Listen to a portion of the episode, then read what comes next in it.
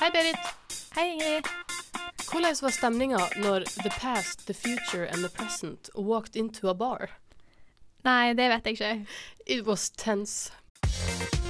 Du hører på Ordskiftet, et språkprogram på studentradioen i Bergen. I Bergen.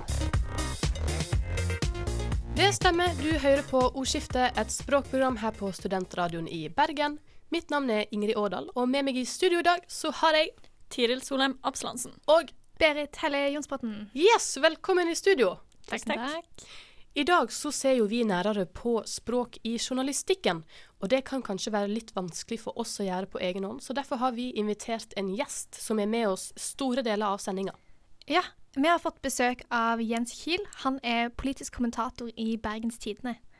Og så litt senere i sendingen så har vi en litt sånn uh, uhøytidelig gjennomgang av uh, kommentatoryrket i uh, ulike sportsgrener.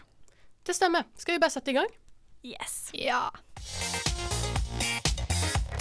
Du lyssnar på Ordskifte, et språkprogram på Studentradion i Bergen.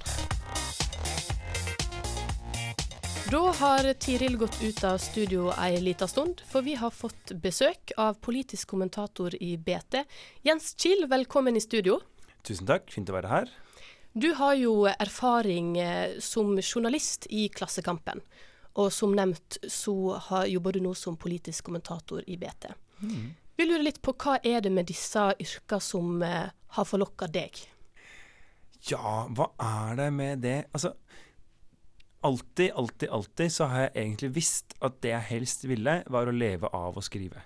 Eh, det er på en måte det jeg syns er mest gøy å drive med, annet enn å være full. Eh, og så var jeg nok litt sånn Sånn som mange er, da. At man eh, tenker at det man drømmer om, det tør man nesten ikke helt å hige etter, fordi at da blir på en måte skuffelsen så mye større når man ikke når det. Så er det liksom best å bare Med stort press. holde seg unna, ikke sant? At sånn Hvis du er ute på byen, og så han du har liksom gått og tenkt på en stund, så er han der, så er det liksom best å ikke gå bort og si hei, fordi da slipper du avvisningen. Så jeg jobba i eh, SV, på partikontoret, i 2013. Og da var det en som var sjefen min der, som kom og sa til meg han, og han jobba egentlig i Klassekampen, men hadde permisjon derfra, og sa nå finnes det en jobb ledig, og jeg kommer til å kunne legge inn et varmt ord for deg. Ja. Uh, og da fikk jeg på en måte øya opp for den jobben som da var politisk journalist. Søkte, og under over alle under fikk den. Og det som er så gøy, er at man får mulighet til å være veldig, veldig tett på makta. Du får spørre folk om alt du vil, ikke sant? Og, og det kan gjelde egentlig hvem som helst, men sånn, hvis du lurer på noe, så kan det godt hende at en professor har tid til deg i neste uke. Men hvis jeg lurer på noe, så har hun veldig ofte tid akkurat der, akkurat da. Ikke sant? For det, den, Mm. den makta sitter vi på i media. og Det er utrolig deilig. Ja. Føler du at du har mye makt som journalist? Altså, ja, jeg gjør egentlig det. Eh, jeg tror jeg skal være så ærlig. Altså ikke en direkte beslutningsmakt, selvfølgelig, men en makt knytta til eh, å kunne sette saker på eh, agendaen i Norge og i Bergen. Og det å kunne løfte opp eh, problemstillinger, stille folk til veggs, som de fleste mennesker ikke har, da. Og den makta tenker jeg at, at det er bra å ikke fornekte. Altså Mange sier sånn nei, nei, jeg er bare journalist, jeg har ikke noe makt. Men jeg tenker det er bedre å være ærlig på at man har en viss makt, og at man må forvalte den klokt, da. Mm. Og du bruker jo språket ditt for å gjøre nettopp det. Eh, en ting vi syns er jo veldig interessant her i ordskiftet, er jo at du, eh, du snakker med østlandsk dialekt. Mm. Du blir kalla en målmann, og du skriver på nynorsk. ja. Hvorfor Guds eget mål. Nei, eh, hvorfor skriver jeg på nynorsk? Eh, Det er jo en lang vei for meg inn i nynorsken. Jeg trenger ikke å ta hele den nå, kanskje. Men, ehm, men for meg så er jo nynorsken et språk som eh, ved å bygge på alle dialektene, så sier jeg at alle måter å snakke på, alle måter å være menneske på, være i verden på, er like bra. Det fins ingen måte som er bedre å være på enn en annen. Og eh, nynorsken snur jo bordet, sant? At de som satt nederst ved bordet, plutselig er det de som er de kule folka. Eh, og det Ikke alle vil være helt enig i det. Nei, men det er hele ideologien bak, da. Ikke sant? Mm. Og um, den gjør jo den, den løfter jo lokale dialekter på små og store plasser til å være en del av et av en eh, landsgyldig, riksdekkende norm, da. Og så er jo hele ideologien til eh, målsaka, eller målrørsla, knytter seg jo til nettopp da den vesle mann og kvinnes kamp mot eh, den store staten osv. Og, så og det, det er et maktperspektiv som jeg deler. da. For meg er på en måte nynorsken eh, folkestyrespråket. Og, det, og som du hører, da, så, så er jeg jo ikke bare nynorskbruker, men jeg identifiserer meg jo også ganske sterkt med ideologien bak språket. Og det er jo det som jeg tenker gjør meg til en målmann. Altså at forskjellen på en nynorskbruker og en målmann eller målkvinne er jo at du eh, går inn og, og, på en måte også deler det tankefellesskapet som eh, ligger til grunn for målreisinga, og har gjort det siden Åsens dager. Vi lurer jo òg litt på, når du eh, skriver det du skriver og jobber som eh, journalist og politisk kommentator, har dere formelle retningslinjer for språket? Eller er ting opp til hver enkeltperson? Jo, det har vi i bøtter og spann. Eh, på bokmål så har jo BT en, en, norm som for meg er helt merkelig. ikke sant? Altså, for den har bare to kjønn, blant annet. Den skriver jo jenten og hytten og sånn. Men den er jo da bygd på hva skal vi si, det klassiske bergensmålet, da.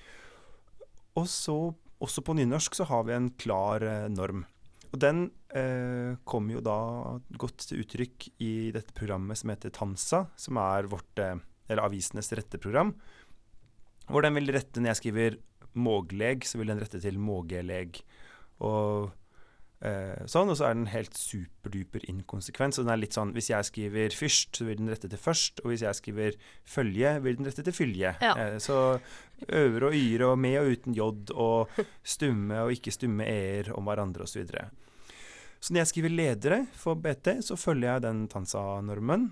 uh, 100 med mindre jeg syns den har et eller annet helt idiotisk forslag. Uh, men når jeg skriver kommentarer Her kommer det en liten hemmelighet. Så eh, er det ganske ofte jeg trykker på 'ignorer'. At jeg bare ja. tenker sånn Nei, det her er for dumt. Og kommentaren er jo også en ganske sånn personlig sjanger, sant? Um, den er jo ikke som vanlig nyhetsjournalistikk som jeg dreiv med i mange år før jeg ble kommentator. Uh, og det gjør jo at jeg tenker det er litt mer rom for at jeg kan bruke min, min stemme og fargelegge med mitt språk, da. Du kan ikke bli tatt på det, at du ikke valgte å følge Tansa sitt forslag? Jo, det kan jeg sikkert, men jeg tror ikke noen veit det. Nei. Men, men, hvem er det som vedtar dette? Hvem som bestemmer at dette er liksom normene i BT, dette er i Dagbladet? Ja, det er vel redaktørene på et eller annet vis. Eh, jeg veit ikke helt akkurat hvor gammel vår norm er, hvor den kommer fra, sånne ting. Eh, men eh, det kommer vel fra øverste hold. Og jeg tror f.eks. hos oss, da, så er jo den her eh, det her kaldfaremålet som er innarbeida i bokmålsnorma vår, er såpass eh, sterkt knytta til BT-identiteten at jeg tror sjefredaktøren måtte vært innom før man skulle gjort en endring der. Og det tror jeg aldri kommer til å skje. Um, vi, men vi hadde faktisk i Klassekampen, vi har jobba før, så hadde vi jo en klar norm på bokmål og ingen norm på nynorsk. Så alle skrev akkurat som de vil. Og da hadde egentlig sjefen et ønske om å lage en, en norm, så samla oss alle nynorskbrukerne på huset, og det var ganske mange og sa at det hadde vært fint. Og alle var egentlig enige om det, bl.a. fordi at um, når du som, jobber som nyhetsjournalist, så jobber du ofte sammen med noen andre. Og da blir du jo altså Sjansen for at du da jobber med en annen som er bokmålsbruker, er jo veldig stor. Eh, og hvis det var én felles norm alle på huset trengte å følge på nynorsk, så ville det kanskje vært lettere for en bokmålsbruker å lære seg liksom OK, det heter det hos oss. Ferdig. Eh, og jeg kan alltid stole på Tansa, og jeg kan Ja. Så, da, um, så det er mange gode grunner til at det skulle vært én felles norm. Og så første han sa var ja, og vi kan jo f.eks. allerede nå bli enige om at fra nå av så skriver vi Norge og ikke Noreg. Og da var det bare sånn Det reiste seg jo i rommet, ikke sant? En sånn bølge av forakt. Så den norma døde jo før den var påbegynt. For det Målfolk brenner jo for språket, og har jo ofte ganske gjennomtenkte valg, enten det er den ene eller andre veien, da. Mm. Hva, hvis jeg kan spørre deg da, Jens, som politisk kommentator og som journalist, eh, så er det jo på en måte ulike roller, i mine øyne. da, At du har en litt mer nøytral rolle når du f.eks. jobber i Klassekampen. Så har du kanskje en mer subjektiv rolle når du er politisk kommentator. Mm. Hva liker du best? Ja, Det er morsomt at du stiller spørsmålet sånn, for til nå har jeg aldri hørt det bli stilt den veien før. Jeg har alltid blitt stilt spørsmålet som at Klassekampen er jo eh, er jo veldig lite objektive, mens alle de andre storavisene er jo helt objektive. Og da har jo alltid mitt svar vært sånn Er det mer, er det mer nøytralt å være for EØS enn mot EØS, f.eks.? Mm. Men Klassekampen har jo blitt sett på som en veldig sånn en avis med en tydelig, med tydelig standpunkt, da.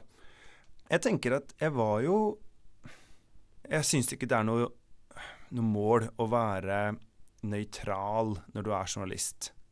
Hvis du skriver noe om eh, den her Nav-skandalen, da, så er det ikke sånn samme for meg om det går bra eller dårlig med de folka som blei uskyldig hivd i fengsel. Altså, Jobben vår er jo veldig ofte å ta den lille mann og kvinnes ståsted. Og samme, altså BT, som eh, jo på en måte Det velter jo over av vestlandspatriotisme og Oslo-hat i spalten. Og det, du merker jo det at journalistene brenner for Vestlandet sant? og for byen her. Men jeg det som er viktig, er jo at du er fri. ikke sant? At du ikke er bundet av en enkeltinteresse osv. Og, så og jeg tenker at i kommentaren så har du også mulighet for å la dine subjektive meninger komme veldig tydelig fram. Da skriver 'jeg mener at'. Ja. Og det kan du jo ikke gjøre i en nyhetsartikkel. Nei. Um, og det er uh, innmari deilig. Fordi du liksom slipper å være en sånn ikke sant? Det er jo veldig mange ganger jeg intervjua en Frp-politiker eller en Ap-politiker, og så sier de noe som jeg bare tenker er helt forferdelig, og så har jeg bare så lyst til å rope, liksom. Men dette kan man jo ikke mene! eller sånn, og så bare Det går jo ikke. Ja. Eh, nå kan jeg jo mye tydeligere trykke litt på, da. Absolutt. For det er jo nettopp det at du har ulike aviser, og ja, man kan diskutere i hvor stor grad disse avisene er objektive eller ikke, men det er jo det som er interessant å få høre fra deg, hva du tenker om på en måte den enkelte journalist som står i det. da. Vi er snart tilbake, og så har vi litt flere spørsmål på laget til deg. Du hører på Ordskiftet, et språkprogram på Studentradioen i Bergen. Vi har fortsatt eh, besøk av eh, politisk kommentator i BT, Jens Kiel, i studio. Hallo, hallo. Hallo, hallo. Vi har jo eh, Det er mange ting som er interessant når det kommer til språk i journalistikken. Og en ting som vi har hengt oss litt opp i, er Det virker som at vi står overfor en eh, digital endring i dag i journalistikken. Eh, med tanke på effektivitet, tilgjengelighet, mange, mange plattformer, alt på samme tid. F.eks. da med tanke på digital historiefortelling og den type ting. Legger dette her nye rammer for språkbruken som journalist?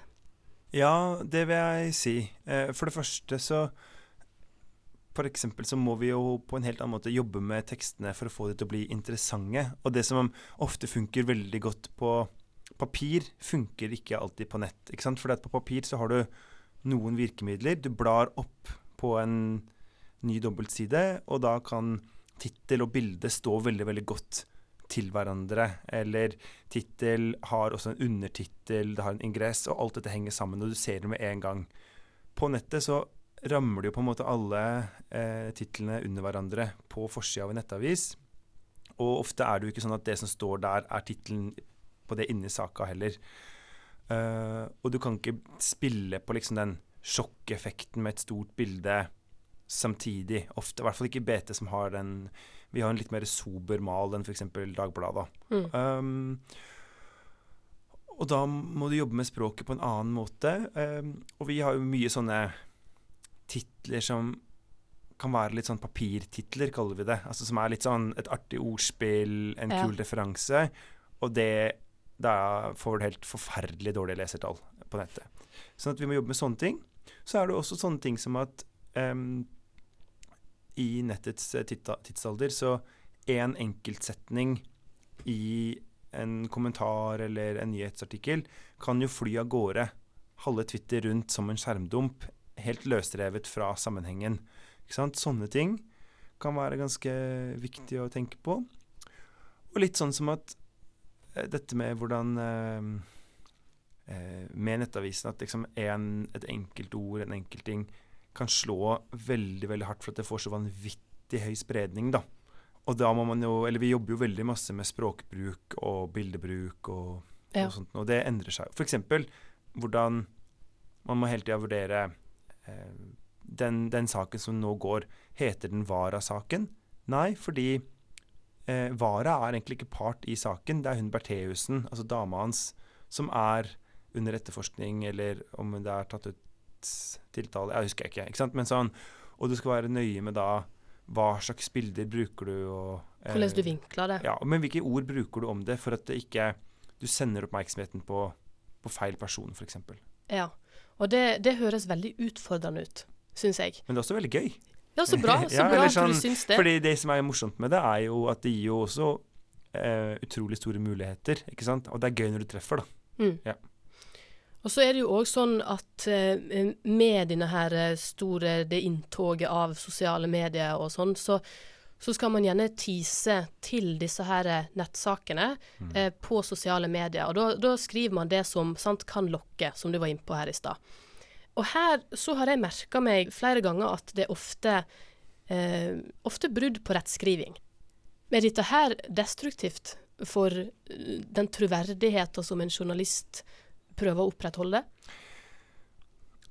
Jeg tenker at hvis det er et, et smilefjes eller et lite hjerte som gjør at folk eh, klikker seg inn på saken og lærer noe nytt, så fint for meg. Jeg er ikke noe Jeg syns ikke at det Det plager ikke meg noe. Jeg bruker liksom ikke Jeg er ikke noe sånn særlig glad i disse ansikta sjæl, men plager meg ikke at andre gjør det. Så syns jeg derimot Eller at man skal være litt forsiktig kanskje med det å bomme på stilnivået.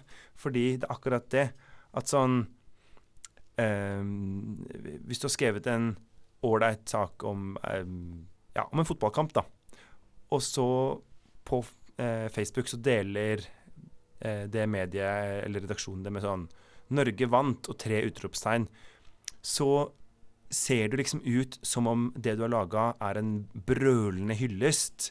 Mens selve saken kan det egentlig handle om eh, forspilte sjanser og dårlig forsvarsspill og Ja. en trener som ikke har helt kontroll på laget sitt. Og det syns jeg er litt sånn at, at det kan være med på å overselge sakene, eller være med på å ta ned, ja, som du sier, troverdigheten, da. Okay. Og det er jo den Det er jo det viktigste, det er jo gullbeholdningen vår, er jo den tilliten vi har ute i folket. Ja. Og jeg kan jo selvsagt ikke snakke for andre, men jeg syns det, det gir et sånt negativt bilde, på en måte, Ja. med sånne type brudd på rettskriving. Mm. Man kan være kule eller hipp til en viss grad uten å måtte bryte med rettskrivinga, tenker jeg da. Jo, men sånn som um, altså Rettskriving betyr noe for oss, uh, og det er med på å ta vekk friksjonen mellom budskapet og mottakeren, tenker jeg.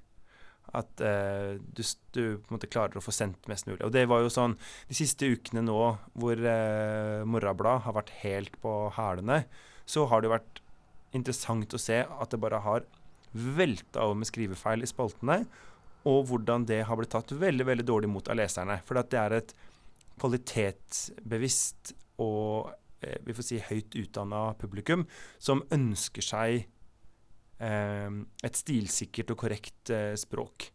Eh, og jeg er opptatt av det. Jeg er veldig opptatt av rettskriving selv, og eh, har irriterer meg over sånne- feil i mine egne spalter. da. Det finnes ikke sånne korrekturlesere lenger i, som jobber i avisene. Noen få har det. F.eks. ukeavisene har jo hatt det. Dag og Tid har det. Jeg tror Morgenbladet har hatt det fram til nå. Han derre huslingvisten, som de kalte det.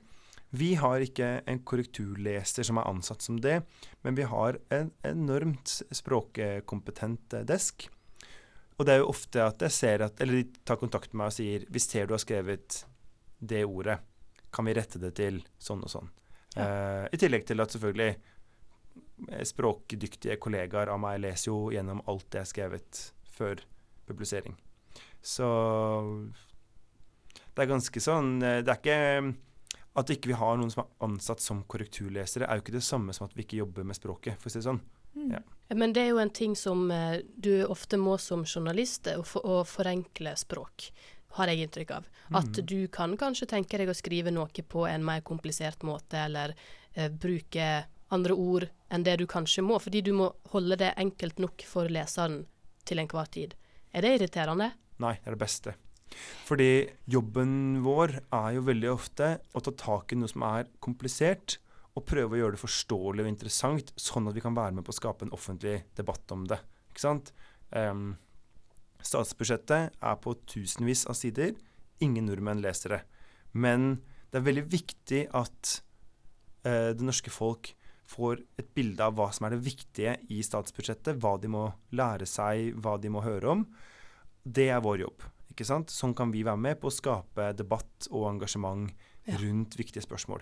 Og det er sånn, Jeg har dekka veldig mye eh, strukturreformer i staten. Kommunereform, politireform, universitets- og høyskolereform, fylkesreform osv. Og det å klare å hjelpe folk gjennom det liksom ugjennomtrengelige statsspråket, sånn at folk skjønner hva som er det viktige der, det er veldig gledelig. altså Det mener jeg er liksom folkeopplysning i praksis. Ja, For det er vel det, det dere vil. Dere vil ikke skrive uten at folk forstår det. Men, men det er klart det er veldig vanskelig, fordi du skal treffe akkurat der at du har popularisert det nok til at folk skjønner, uten at du har popularisert det så mye at eh, du har overforenkla det, eller at, at du går snarveier, da. Og Det er jo kanskje et eksempel på en, eh, en potensiell fallgruve for en journalist. Og du hadde nå et artikkel om boka til Haddy, eh, som har vært mye i media.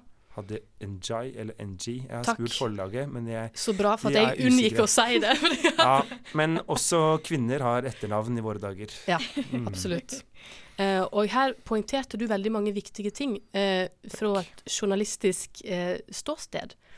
Blant annet nettopp det at eh, journalister har godt av å tenke over eh, hva konsekvenser skrivinga kan få, hva valg man står overfor. Ikke sant? Mm. Er det mange fallgruver som journalist? Er det mange språklige fallgruver? Ja, det er jo det hele tida, ikke sant. I den saken der, da, si, kaller vi den Ap-saken, metoo-skandalen, Trond Giske-skandalen, skriver vi varslersaken, eller skriver vi seksuell trakassering før vi egentlig vet om det er det som har skjedd, ikke sant. Det å hele tiden være eh, sikker på at de ordene du bruker, som er de som kanskje kan være mest sånn eh, De kan være støtende, de kan være tunge å bære for den som blir rammet av dem. Man skal være veldig forsiktig med det. Eh, og, eh, og man skal hele tida ha en debatt. Samtidig ikke sant, så er det også sånn at når vi har en debatt om det, eh, så kan det godt være at vi lander på at jo, vi skriver seksuell trakassering. Selv om Trond Giske selv eh, ikke syns at det er ok at vi bruker det uttrykket. Og så begrunner vi det i at sentralstyret i Arbeiderpartiet har kommet til den konklusjonen at Trond Giske har brutt deres etiske retningslinjer på punktet om seksuell trakassering. Og da velger vi å skrive det. Men sånne ting, da. ikke sant? Det, eh, og da tenker jeg at han fortjener jo i hvert fall at, at vi har tatt en ordentlig debatt om det. At det Mm. ikke er Ops, det bare blei sånn, eller Ikke sant? Eh, Ja. For det er, eh, det Det er er jo ek folk. ekte mennesker vi snakker om her. Og til slutt så tenkte vi å spørre, eh, hva syns du er godt journalistspråk?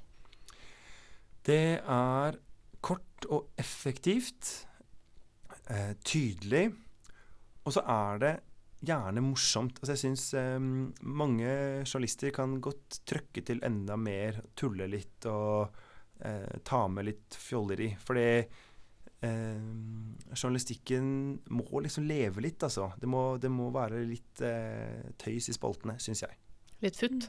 Ja! Litt sånn der eh, Og det Jeg liker veldig godt å jobbe med sånne småting. Sant? Sånn eh, stikket før en bildetekst, eller eh, Altså sånn bitte små ting. Eh, og det syns jeg er bra. og Jeg tror at det smitter over til leseren. da At leseren ser sånn denne personen har kost seg med å skrive dette og har gleda seg til å formidle dette til meg, det blir satt pris på i andre enden. Ja. Mm. Tusen takk for at du ville komme på besøk, eh, Jens Kiel. Du skal bli med oss eh, litt videre i sendinga, for vi skal ha en eh, aldri så liten konkurranse. Uh. Let's do it.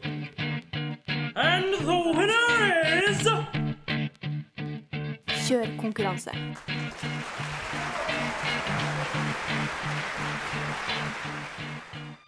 Da er vi tilbake her i ordskiftet med en aldri så liten konkurranse. Og vi har fått med oss eh, Jens Kiel på det her. Eh, det blir meg versus deg. Oh no. Men jeg er klar. Ja, det tror ikke jeg vi skal si. Øst mot vest. Hva er det du har med deg, Berit? Ja, skal vi se. Jeg har lagt en, en liten quiz med eh, seks spørsmål. Der jeg har tatt ulike avisoverskrifter fra enten Aftenposten, VG, Se og Hør eller NRK. Og så skal dere gjette hvilken avis. Aftenposten, VG, Se og Hør, NRK. Ja, Ja. nettopp. Greit. OK, Jens. Hvor er denne overskriften henta fra? Da er det bekreftet. Alle hipstere ser like ut. Aftenposten. Leser du, leser du mye aviser? Ja. Ja, men den er sånn um, Det er liksom tanta som bare ikke skjønner seg på ungdomskultur, og så har de sendt ut en eller annen kommentator. Det, jeg ser det veldig for meg. Mm. Ja. ja, men det var helt riktig og veldig Yes. Da leder jeg. Ja, du er det. Mm. OK, Ingrid. Dette er om en fyr som det er skrevet altfor mye om. Eh, og overskriften er 'Solskjær smeltet hjertet til United-dame med norsk sjokolade' Ta Dagbladet. av VG. Nei! Men Dagbladet er ikke med engang. Nei, Dag, Dag ble ikke med. Nei, jeg trodde du sa Dagbladet! Herlighet. Åh. 1-0. Det er jo krise. Hva var det, da? NRK, Aftenposten? VG, Aftenposten, Se og Hør, NRK. Ja. OK. Eh, neste er en av mine absolutt verste overskriftene jeg leser. Og det er bare 'Slik ser hun ikke ut lenger'. Ja, de greiene der, ja. Ja, det er VG. Nei, det var Se og Hør. Men, men det kunne vært VG. Ja, men jeg tror Ja. dette er fordi em, Se og Hør og Dagbladet har jo sånn felles kjendisdesk. Ikke sant? De publiserer jo felles på altså med kjendis.no og sånn. Oh, ja. Og jeg tenkte, denne tittelen har jeg sett på Dagbladet, men Dagbladet vet vi jo nå ikke er en mulighet. Men jeg burde ha tenkt på um, konserntilknytning her. Ah, svakt. Ja, det var et veldig smart resonnement. For det, det tror Ja, det stemmer nok, det. OK. Da er denne neste deg, Ingrid. Men jeg er fremdeles i ledelsen, da. Bare så det Ja, er ja. nevnt Du eh, det. forbi Du er det. Ja. Slik Nei, det var bare jeg. Slik ser hun fremdeles ikke ut lenger. OK. Lyktestolpen kom i feil farge. Og så er det sånn tenkestrek. Skaper trøbbel. NRK. Det er dagens sak, er det ikke det? Nå har det henda i Det var i går. Ja. OK, da er det likt. 1-1. Deilig. Det, det er viktig å utligne der. Før den avgjørende siste runden. Mm, det er avgjørende. OK, Jens. Er blodiner lette på tråden? Svaret er ja, men uh, Nei da. Uh, er blondiner lette på tråden? Fordi det kan jo være den der idiotiske samlivsspaltene til Aftenposten, selvfølgelig. Sånn derre Frode Tuen svarer. Jeg tror ikke det er noe på NRK, for at de kan ikke drive med sånt noe. Se og Hør tror jeg heller ikke. For det er liksom ikke De har ikke den type stoff. ikke sant? De går rett på kjendiser, ikke sånn ja. Og så er det VG sånn, En eller annen amerikansk forsker viser at et eller annet Ah, Ja, nå tenker du godt. Ja, ja Nei, jeg sier VG. Det var faktisk Aftenposten. Nei! Men det var, et- men det var sånn promotering til et eller annet sånn eh, program som gikk på NRK, der de skulle finne ut av dette, tror jeg. Å, det er viktig. Ja. det er Eller, eller viktig. finne ut hvorfor folk tenkte dette, ikke Mm, Altså viktig, viktig at han ikke fikk det poenget, mm. tenkte jeg. ja. OK, men da er det jo For du har fortsatt 1-0. ja. Nei! Nei, 1-1. Nei, nei, å ja, Hallo? å ja, beklager. Du fikk likt Altså. Så- Men det kan jo fremdeles i hvert fall bli likt, da. Det kan jo faktisk det. Mm. Dette er en av de verste jeg ser. Det er bare to ord. Et sjokk. Og den Se er og tøff å hør. Ja. Ah, den er veldig god! Du må slutte å lese Se og Hør. Du må begynne å lese pensum. Men jeg tenker ingen av de andre aktuelle her hadde tatt, tenkt at det var greit å bare skrive Jo da. sjokk? Det tror jeg NRK kunne skrevet. Altså. OK. Er det greit. Det er greit. Men det er jo sånn det Men kommer, jeg fikk poeng, da. Ja. Ja. Gratulerer med seieren. Vant jeg nå? Nei. Jo. jo. Hei! Nei, så kjekt! Ja, nå er det ballonger og konfetti i studio her. Inn kommer det Det sånn der buekorps. Eh, Herman Friele, Trude Drevland, Sissel Kirkebø, Tor Endresen. Ja, med en sånn megastor sånn der sjekk fra Sparebanken Søre Sunnmøre. Ah, Mm. ja, nei, det ble iallfall god stemning. Tusen takk, Berit. Da er tida inne for å, å takke for at du kom, med Jens Kiel. Kjekt at du ville bruke din tid på å snakke med oss. Veldig fint å være der. Og beklager for at du må gå ut fra studio som eh, taperen av denne konkurransen. Ikke første og ikke siste gang. Du hører på Ordskiftet, et språkprogram på studentradioen i Bergen. I Bergen.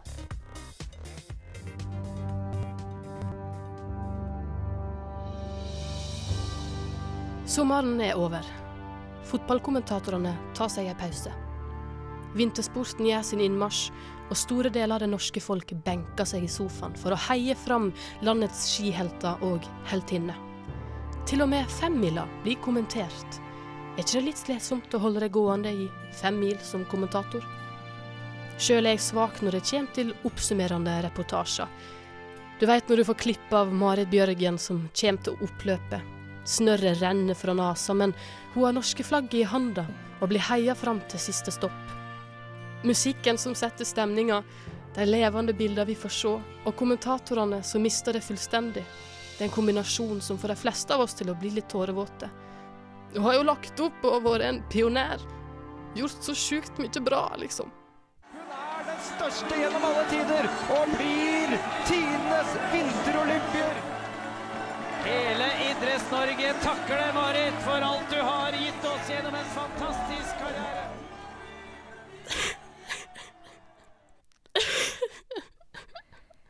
Ingrid, hvordan eh, går det egentlig? Jeg blir bare så jævlig rørt, da. Litt, eh, litt mye for deg?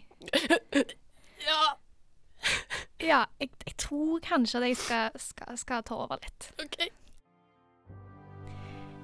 Jeg er kanskje ikke like lettrørt som eh, Ingrid her, men jeg må si meg enig i at eh, det hadde vært litt kjedelig å se på sporten uten kommentatorene. Mange av kommentatorene er jo gode i jobben sin, og det er de som setter den stemningen som, som publikum skal ha. Men andre er vel kanskje litt mer irriterende å høre på. Det er jo smak og behag. Men jeg skjønner jo selvfølgelig at, eh, at Ingrid blir litt eh, rørt, for når den yngste Ingebrigtsen-broren blir europamester på 3000 Norgesrekorden står for fall. Folket reiser seg på tribunen og jubler Henrik Ingebrigtsen fram mot det som kan bli norsk rekord. Det går! Det går! Kom igjen!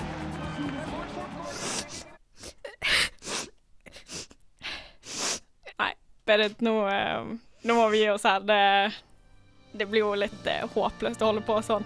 Sport er jo bare sport. Det er jo ikke snakk om liv eh, og død her. Det er jo ikke Trenger ikke å bli såpass opprørt over noe sånt.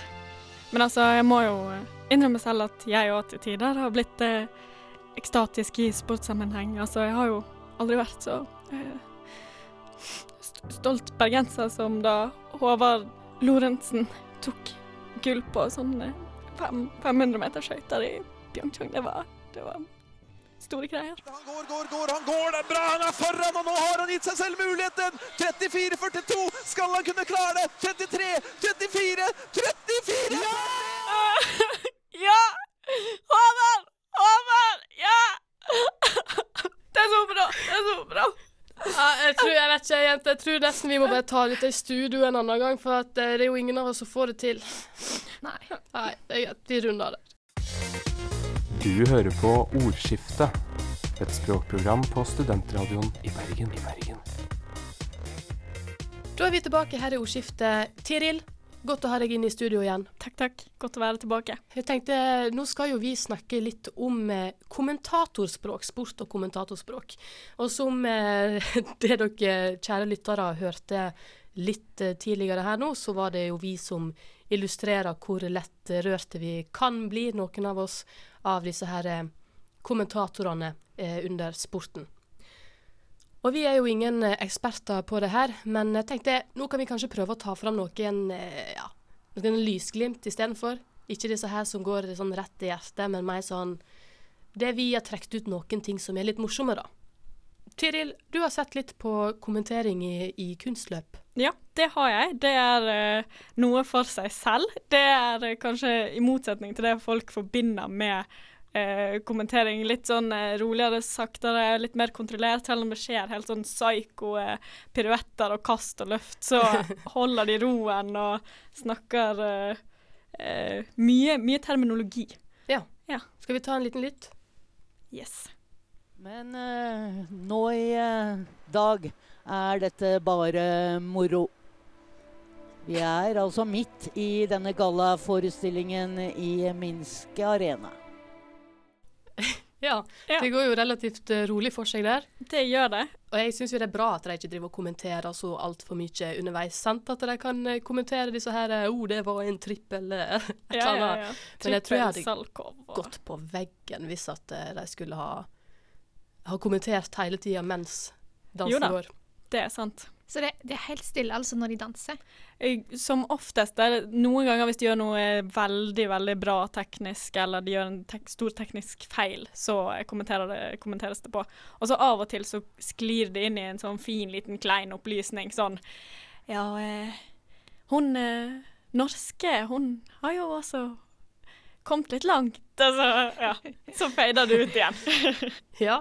Du Berit, du har sett litt på eh, sjakkommentering. Ja, jeg er jo som eh, mange hundre tusen andre nordmenn veldig glad i sjakk. Eh, uten at jeg kan så mye sjakk, eller forstår så mye av det. Men jeg syns den eh, sjakksendingen de har på NRK er veldig kjekk. Og det er blant annet eh, fordi at de klarer på et vis å legge det ned på et nivå som gjør at jeg òg skjønner hva som skjer. Fordi de har ofte med seg f.eks. en eller annen eh, Kall han gjerne idiot, men ikke, liksom, ikke en sjakkekspert. da. Som gjerne er en kjendis med i studio. Sånn eh, Det er veldig sånn stemning i studio, men Ja. det er jo Vi tar en liten lytt på det. Det vil ikke Jakovenko, som tar eh, rokadetrekk istedenfor. Og Magnus svarer da med å spille sin bonde fram til C4 i det sjette trekket, og setter da også litt press på sentrumet til, eh, til russeren. da. å ha. Ja, stemning i studio der, Berit. Men det jeg ikke hørte her, som er noe Ja. av det gøyeste med sjakk, eh, sjakksendingen, er denne pila. Som, det er en sånn pil som er generert av en datamaskin, som viser liksom eh, hvordan de ulike ligger an. Fordi selv sjakkekspertene klarer jo ikke beregne dette, for sjakk er jo så sinnssykt avansert. Så du får sånn pling, og så sier de sånn Ja, nå er det tydeligvis noen eh, Nå leder visst Karlsen, ifølge OK, ja.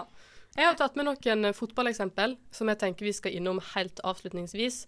Rett og slett, og jeg, jeg må jo poengtere for de som hører på at det her er jo ikke et representativt bilde over yrket til disse kommentatorene, men det er, det er noen ting vi har valgt ut som er enten kjennetegnende eller litt morsomt. Og noe jeg ler av hver bidige gang jeg hører, det er Roar Stokke, fotballkommentatoren som eh, ser Han kommenterer en kamp. Eh, det er vel eh, Arsenal og Monaco, tror jeg. Og så ser jeg da bilde av Bono, eh, U2-artisten, som har en hit, en slager som heter eh, Bloody Sunday. Og så skal han ta en referanse til det, men så begynner han å rote seg litt vekk. Ja, Bono. Skal du skrive om til eh, Monaco? Det er Sunday, Bloody Sunday til eh, Sunday eh, Tuesday, Sunday Unnskyld. eh, Tuesday eh, evening. Tuesday eh, evening. Ganske på at denne kampen gikk på en tirsdag. Ja, ja, dette her er fotballhistorie. Det er en av mine absolutt favoritter. Og så har vi jo òg eh, Bjørge Lillelien, som eh, er jo veldig kjent for eh, denne seierstalen. Margaret Thatcher, can you hear me? Lady Diana! Vi har slått dem alle sammen! Vi har slått dem alle sammen! Maggie Thatcher, can you hear me? Maggie Thatcher, jeg har et budskap til deg midt under valgkampen! Fantastisk. Ja. Fantastisk. og det er jo litt sånn, Nå har vi jo disse her eksempler der de på en måte tar litt av. Og jeg tenkte at dette her er fra altså 1980-tallet. Og da tenkte jeg at kanskje de holder seg rett og slett mer i tar seg mer i nakken, da. At det er litt sånn roligere, litt mer formelle kommentatorer der. Men de bryter jo ut, de òg. Ja, men jeg tenker dette her var jo eh, hovedoppslag i England, denne liksom, kommentatorgreien. De syntes det var dritmorsomt. Ja. At han bare kom med sånn Clement Attlee og sånn. det var sånn helt sånn absurde navn å ta med. Men jeg tror at det er en helt annen Du har mye mer lov å bli liksom så engasjert når det er en landskamp. Eller Ja. når det er liksom Ja. en vanlig seriekamp, for da skal du vel holde deg litt mer nøytral. Ja, absolutt. Og så er det jo mange flere profesjonelle eksempler enn det vi har vært inne på nå. Du hører på Ordskiftet, et sprogprogram på Studentradioen i Bergen. I dag så har vi jo hatt en slags todelssending todelt sending med Jens Kiel, som er kommentator i Bergens Tidende, som har vært med oss eh, både på eh, konkurranse, men eh, først og fremst et intervju som jeg syns vi Det var veldig mye interessant han eh, hadde på hjertet. Ja, jeg syns det var veldig gøy at vi fikk besøk, og jeg føler jeg lærte veldig mye. Så det er veldig kjekt. Ja, det følte jeg òg. Tiril, har du noen høydepunkt fra eh, sendinga? Ja, altså, jeg syns jo det var eh, både fint og eh, rørende når vi gikk på eh, sportshøydepunktene. Ja. Nei, men eh, vi kan jo selvsagt understreke at uh, det er jo eh, ingen, ingen profesjonell utgreielse av uh, kommentatoryrket her. Og det kan jo uh, lytterne gjerne ta med en liten klype salt. Ja, gjerne. Hva er det lytterne kan gjøre da, hvis de hopper litt seint inn i sendinga, f.eks.? De kan eh, høre, eh, finne oss på Spotify eller på iTunes og høre, høre på oss der. Og så kan de gjerne gå og like oss på Facebook på ordskiftet en, en Et språkprogram. Et språkprogram på Studentradioen i Bergen. Veldig bra. Og så kan du godt følge oss på Instagram. Ordskiftet heter vi der. Ja, veldig gjerne. Vi snakkes da. Ja, ha det bra. Ha det bra. Takk at dere for å hlusta ordskiftet. Giv dere like på Facebook-siden vår, så høres vi om en uke. Du hører på Ordskifte, et språkprogram på studentradioen i Bergen. I Bergen.